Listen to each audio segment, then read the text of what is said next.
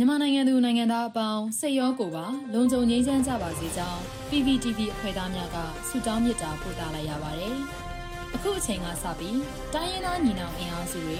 ပြည်သူ့ကာကွယ်ရေးတပ်မတော် PDF တပ်သားတွေနဲ့ပြည်သူလူထုတို့ရဲ့အရှိန်အဟုန်မြင့်လာတဲ့တိုက်ပွဲသတင်းတွေကိုစူးစီးတင်ဆက်ပေးသွားမှာဖြစ်ပါတယ်။ကျမຫນွေဦးလင်းအိမ်ပါ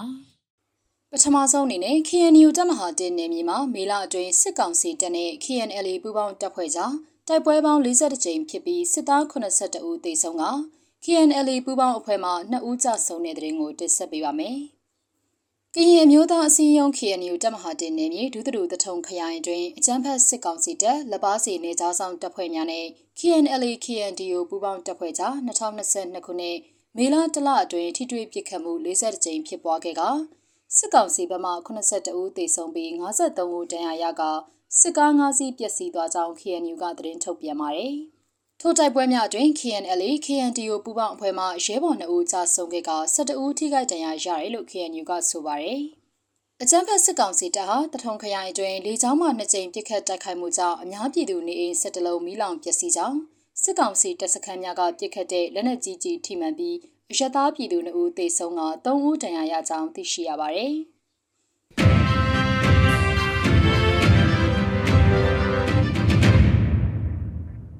ဆက်လက်ပြီးချင်းတွင်းမြေကန်ပြီးကျွေးရတွေကိုမီးရှို့ဖျက်ဆီးနေတဲ့စစ်တပ်ကိုဘုံနဂါဥဆောင်တဲ့တပ်နဲ့ PDF များပူးပေါင်းတိုက်ခိုက်တာကြောင့်စစ်ကောင်စီဘက်မှတေဆုံးမှုများပြတဲ့တဲ့ရင်ကိုတင်ဆက်ပေးမှာပါ။ချင်းတွင်းမြေကန်ပြီးကျွေးရတွေကိုမီးရှို့ဖျက်ဆီးနေတဲ့စစ်တပ်ကိုဘုံနဂါဥဆောင်တဲ့တပ်နဲ့ PDF များပူးပေါင်းတိုက်ခိုက်တာကြောင့်စစ်ကောင်စီဘက်မှတေဆုံးမှုများပြလျက်ရှိကြောင်းဒေသကာကွယ်ရေးတပ်များထံမှသိရှိရပါတယ်။စကိုင်းတိုင်းချင်းတွင်းမြေကမ်းဘေးကျေးရွာတွေကိုမီးရှို့ဖျက်ဆီးနေတဲ့စစ်တပ်ရင်ရင်အုပ်စုကိုမြမတော်ဝင်နဂါတက်တော် MRDA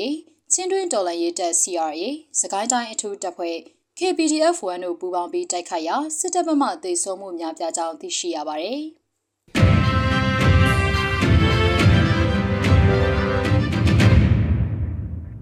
နောက်ဆုံးအနေနဲ့အမျိုးသားညီညွတ်ရေးအစိုးရပြည်ထရေးနဲ့လူဝင်မှုကြီးကြပ်ရေးဝန်ကြီးဌာနက2022ခုဇွန်လ2ရက်နေ့ရက်စွဲနဲ့ထုတ်ပြန်တဲ့ပြည်သူ့ခုခံတော်လှန်ရေးသတင်းအချက်အလက်တွေကိုတင်ဆက်ပေးသွားမှာပါ။ အာနာသိန်းအကြမ်းဖက်စစ်အုပ်စုရဲ့ပြည်သူလူထုအပေါ်အကြမ်းဖက်ဖိနှိပ်ဖန်ဆီးတိုက်ခိုက်တပ်ဖြတ်နေမှုတွေကိုပြည်သူလူထုတရက်လုံးကအသက်ရှင်တန်ရေးအတွက်မိမိကိုယ်ကိုမိမိခုခံကာကွယ်ပိုင်ခွင့်အရာပြည်သူခုခံစစ် People's Defensive Forum ကိုဆင်နွှဲလျက်ရှိပါတယ်။တည်င်းချက်လက်များအရတရက်6လ2022ရက်နေ့မှာစစ်ကောင်စီတပ်ဖွဲ့ဝင်48ဦးသေဆုံးပြီးထိခိုက်ဒဏ်ရာရရှိသူ10ဦးအထိခုခံတိုက်ခိုက်နိုင်ခဲ့ပါတယ်။ ဆီယနာရှင်စနစ်မြမမြေပေါ်မှာအပြီးတိုင်ချုပ်ငြိမ်းရေးနဲ့ Federal Democracy တည်ဆောက်ရေးအတွက်ငြင်းချမ်းစွာဆန္ဒပြတဲ့လူလူတပိတ်တိုက်ပွဲများကပြည်내နဲ့တိုင်းဒေသကြီးများမှာဖြစ်ပွားပေါ်ပေါက်လျက်ရှိပါတယ်။မြေပြင်မှာယခုတွေ့ရတဲ့သတင်းအချက်အလက်များထက်ပို၍ဖြစ်ပွားနိုင်ပါတယ်ရှင်။